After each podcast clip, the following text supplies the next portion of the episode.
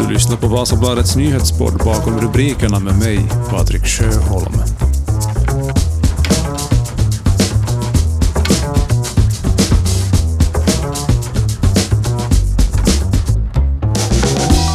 Idag är det onsdag den 13 april. Så i det här avsnittet av eh, Nyhetspodden så ska du få höra Heikki Kaukoranta som tidigare var Vasastads ledande överläkare men som nu har en ny tjänst inom Österbottens välfärdsområde. I den här intervjun får vi höra lite om vad det nya jobbet har fört med sig så här långt in på 2022, vad vi har lärt oss av coronapandemin och hur framtiden kan komma att se ut med just corona. Det var Vasabladets reporter Fredrik Westblom som intervjuar Heikki Kaukoranta. Den här artikeln publicerades för eh, en par veckor sedan, men det här är samtalet som den artikeln baserades på. Vi kör igång. Här är Heikki Kaukoranta.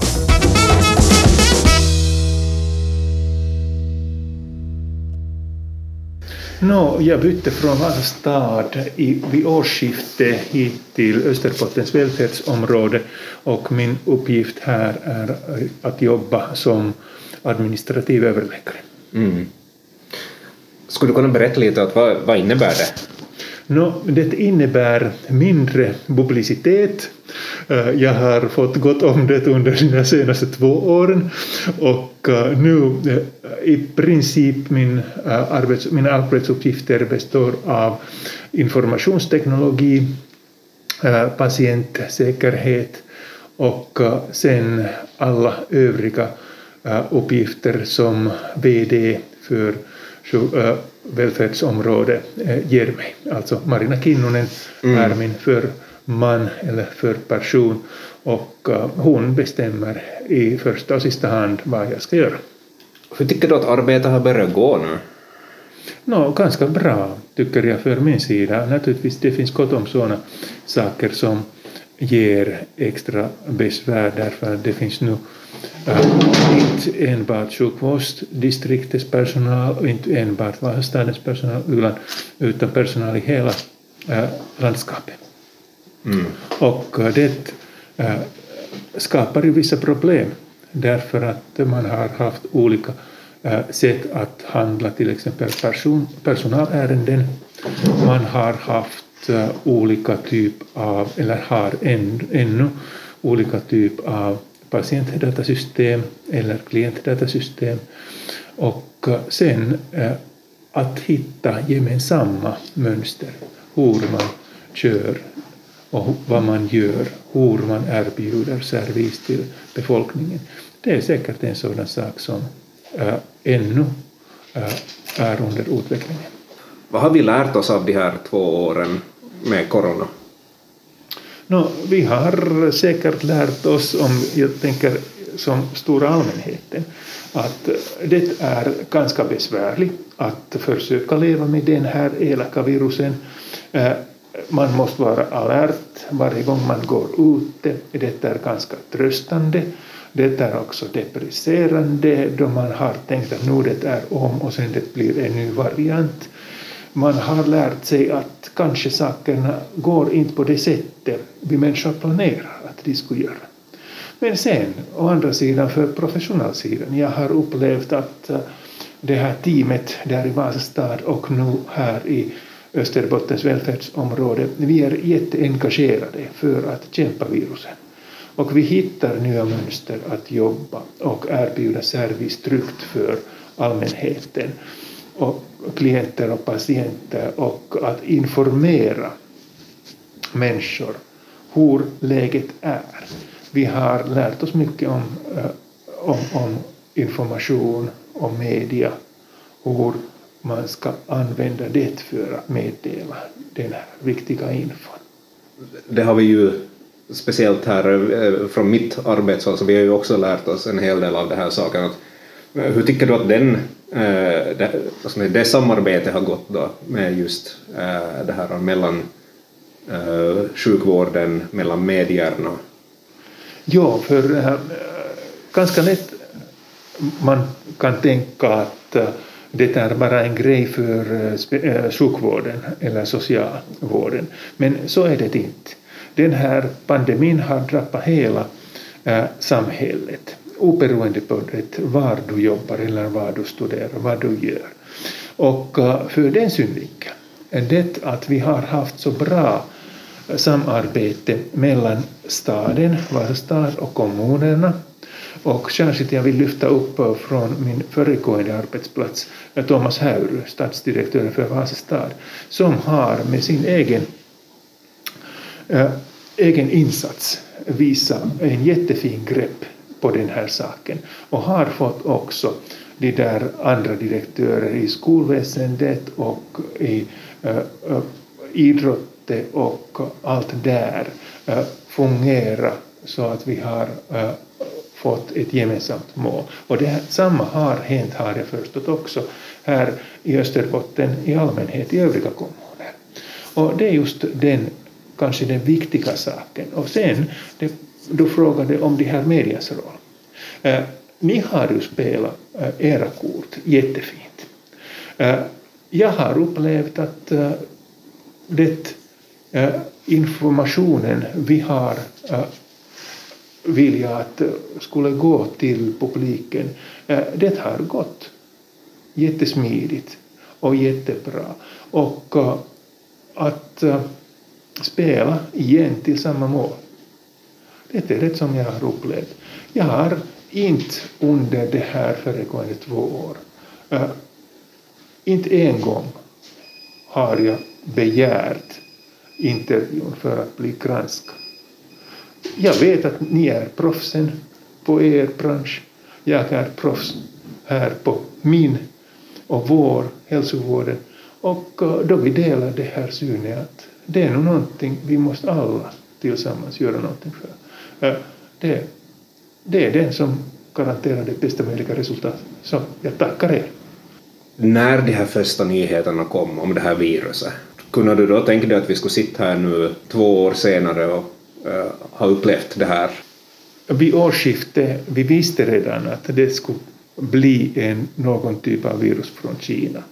Och, och, och det var redan nämnt uh, av WHO, Världens eh, hälsoorganisation, som en möjlig kandidat till här coronavirusgruppen eh, som kan orsaka eh, pandemier. Och vi har ju haft små erfarenhet av MERS och SARS som är på något sätt släktingar för det här coronavirustypen som nu rullar här. Och då det började sprida sig och vi hittade i första fall också där i Italien, norra Italien, så eh, vi började eh, ta försäkrande åtgärder där i Vasa stad. Och vi eh, uppdaterade vår, vår pandemiplan och eh, började skaffa utrustning för skyddsmaterial och sprutor och allting sådant för att våra egna lager skulle vara beredda på. Och jag vill också tacka Eh, Vasa centralsjukhusets eh, anskaffningssida eh, för de har ju gjort jättefint arbete med skyddsmaterialet. Och Stefan Vecko, jag vill upplyfta namnet här. Jag är jättetacksam att han hade haft syn och han har varit modig att ta ansvar och beställa saker så att vi hade någonting att kämpa i den steget. Vi hade brist på ansiktsmasker, vi hade brist på skyddsmaterial. Vi klarade oss bättre tack vare det här bra samarbetet. Men om du frågar, eh, skulle jag ha gissat att vi skulle sitta här två år senare? Mm. Jag, jag skulle ha tänkt att eh, det skulle ha gått om till sommaren 2020, eh, men så gick det inte till. Och eh, då det blev hösten och vi upplevde ganska stora mängder av unga studerande som insjuknade, vi visste att den kan fortsätta ganska länge. Men nu i dagens läge vi kan nog börja så småningom äh, tänka att eventuellt det ska bli äh, om äh, nu för sommaren och då det blir nu den här nya vågen eller nya varianten till hösten på marknaden så kanske vi inte insjuknar i så stora massor som vi har nu gjort under denna vinterperioden 2021-2022. Finns det någonting du tycker skulle kunna göras annorlunda i det här arbetet mot viruset? No, det är ju en ganska bra period enligt det att eh, vi har utvecklat vår egen verksamhet. Vi har kunnat flytta personer från hälsostationer till smittospårningen vid behov. Tyvärr, det har hänt på kostnad av eh, icke-brådskande vård där det har blivit köer. Och till exempel för tandvården, den det här vårdgarantin har inte hållits. Eh, och en orsak där är just det där coronarestriktioner och det att eh, särskilt där i i våren eh, 2020 en del av tandvårdspersonalen var med i det här äkta coronaarbetet. Och vi har kunnat modifiera. Vi har inte fått så mycket ny arbetskraft, men vi har lärt oss att göra sakerna på ett annat sätt på ett tryggt sätt.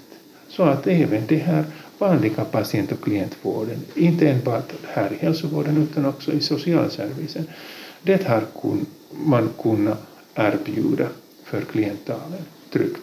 Och det är kanske det viktigaste, att vi har lärt, vi har faktiskt lärt oss någonting.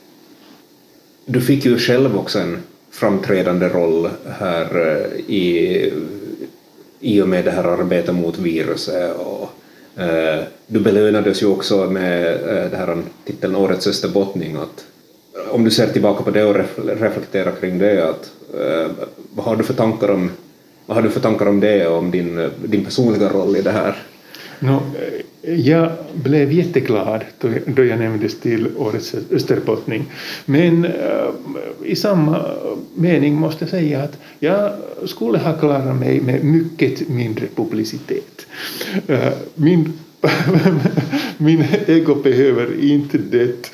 Eh, och om det nu hör till arbete, så det hör till arbete. Det är en arbetsuppgift att dela ut den här informationen som Eh, vi har. För eh, det är ju en sådan samma sak som en gödsel, den här informationen. Om det är en stock någonstans, den hjälper inte någonting. Man måste sprida det. Och eh, då får vi nytta till alla och då växer blommorna och jordgubbar och mörter. Så går det. Och så sprider också infon om hur man kan kämpa viruset. Coronasituationen i Österbotten nu då, den är ju ganska svår. Att här senast igår så fick vi nyheten att det har varit fem nya dödsfall här den här senaste tiden och incidensen fortfarande är hög. Vad tänker du om eh, situationen nu? Är vi, är vi på väg uppåt eller neråt eller hur är det? No, läget är ganska stadigt här i Österbotten. Det har varit det under den här sista månaden. Och incidensen är rejält över 3000 per 100 000 invånare per två veckor. Och det är högre än någon annanstans i Finland. Vilket eh, inte betyder att vi har det på något sätt sämre, utan att eh, de testar inte så ivrigt som vi gör.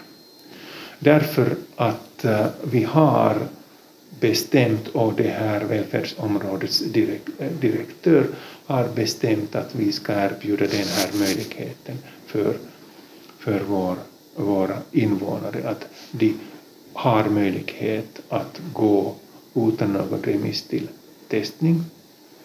Och nu vi har också det här äh, tidsreserv, äh, testning enligt tidsreservering, vilket är också en ganska bra sak.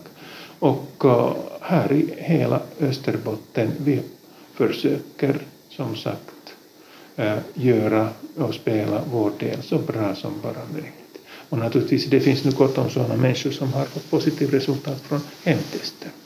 Men eh, för arbetsgivaren eller skolan eller de behöver ha ett coronaintyg för att de kan resa. Eh, de ska sen dra sig till eh, officiella testen. Den skapar ganska mycket arbete som med, på medicinsk synvinkel är inte vettig. Men för sociala aspekter och för en lagstiftningen det är justifierat på det sättet. Du, är också, du har militär bakgrund. Mm. Och det här, nu har det ju kommit en ny kris i världen, i Europa, eh, i och med det här eh, kriget i Ukraina. Vad tänker du att det här, det känns som att vi har gått från eh, en kris till en annan. Att, har du några tankar om det här?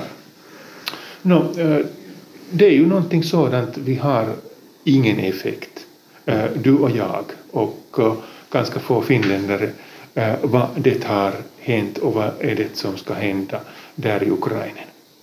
Men eh, vi måste nog försöka eh, ta så bra hand om det här samhället och fortsätta jobba så långt som normalt vi bara kan, trots att eh, priserna för bränsle stiger och vi ser att det finns oro här kring oss. Det som kallas resiliens, det är jätteviktigt. Att trots att vi ser att det händer elaka saker, eh, vi eh, kan försörja eh, oss själva och varann så att vi kan ge den här insatsen som krävs nu i de, under de här dystra tider för varann. Vi kan stödja varann. Vi kan själva ta hand om det att vi orkar.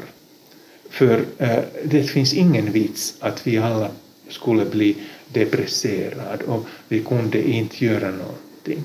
Eh, det är nog någonting vad man nu faktiskt behöver, att vi gör någonting. Det kan vara det att vi samlar Eh, pengar till Ukraina. Vi kan, eh, liksom några skolklasser har gjort, de har bakat eh, eh, små kakor och har sålt dem för Ukraina. Eh, och eh, sen om vi jobbar till exempel i någon, någon typ av, av, av förening, vi kan där göra någonting för att lite eh, hjälpa de människor som är i denna krisen mindre meddelade än vad vi är. Mm. Och naturligtvis var och en säkert hoppas att det skulle gå om på något sådant sätt att inte någon extra lidande blev det i världen därför att det finns gott om det även utan den här krisen.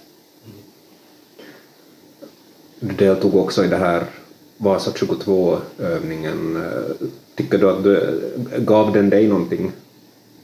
No, själv jag deltog den övningen för fyra dagar under helgen och i början av veckan.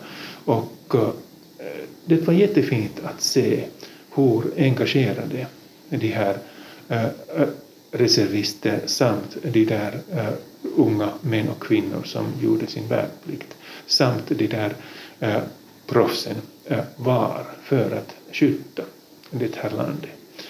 Och det, eh, planeringen det hade börjat redan under 2021 så det blev inte så plötsligt. Att, alltså, det hade inte faktiskt någonting att göra med den här Ukraina-krisen. Det bara hände tidsmässigt.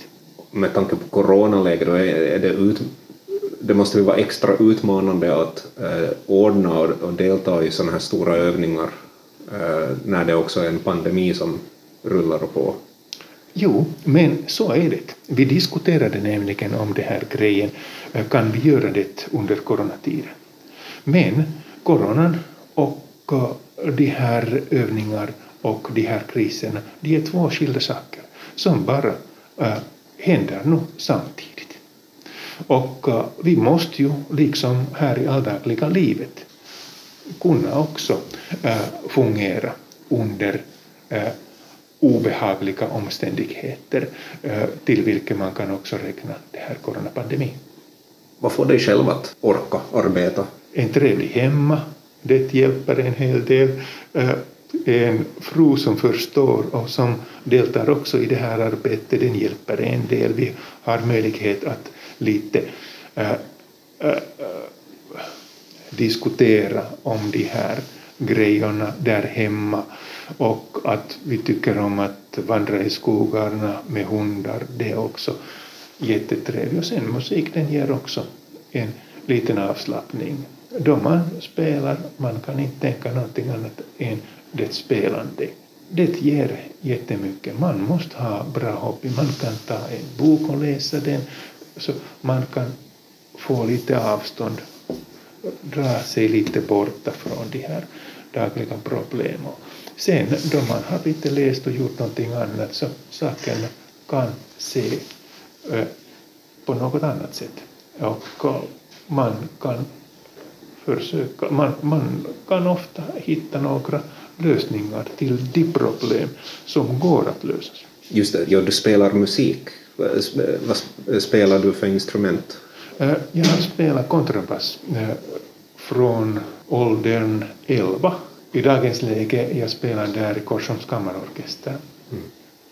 Och eh, jag har brukat också spela där i Vasa sinfonietta men tack vare det att det har varit så gott om arbete jag har nu skippat den sistnämnda. Men äh, jag fortsättningsvis försöker öva för den drar tankarna på och av de här alldagliga problem. Den ger en liten bit av möjlighet att avslappna och tänka något annat. Det är viktigt. Har du själv drabbats av corona? Uh, hittills inte. Jag har tagit de här tre rekommenderade doser coronavacciner, men inte hittills. Uh, blev testad där hemma en gång, men det var inte någonting och inte heller min fru, men uh, vi har ju varit ganska försiktiga.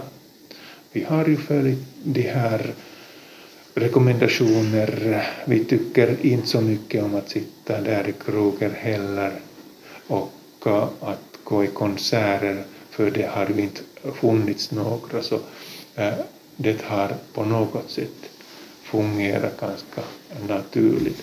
Vi har äh, tittat på bra filmer från TV, vi har läst böcker i ljud för varann.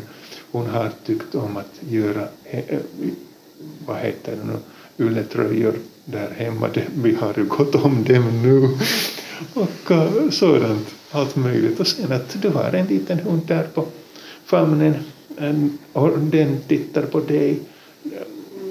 Den sätter vissa saker till rätt perspektiv. Hon säger att hon är viktig. Mm. Man måste förstå det.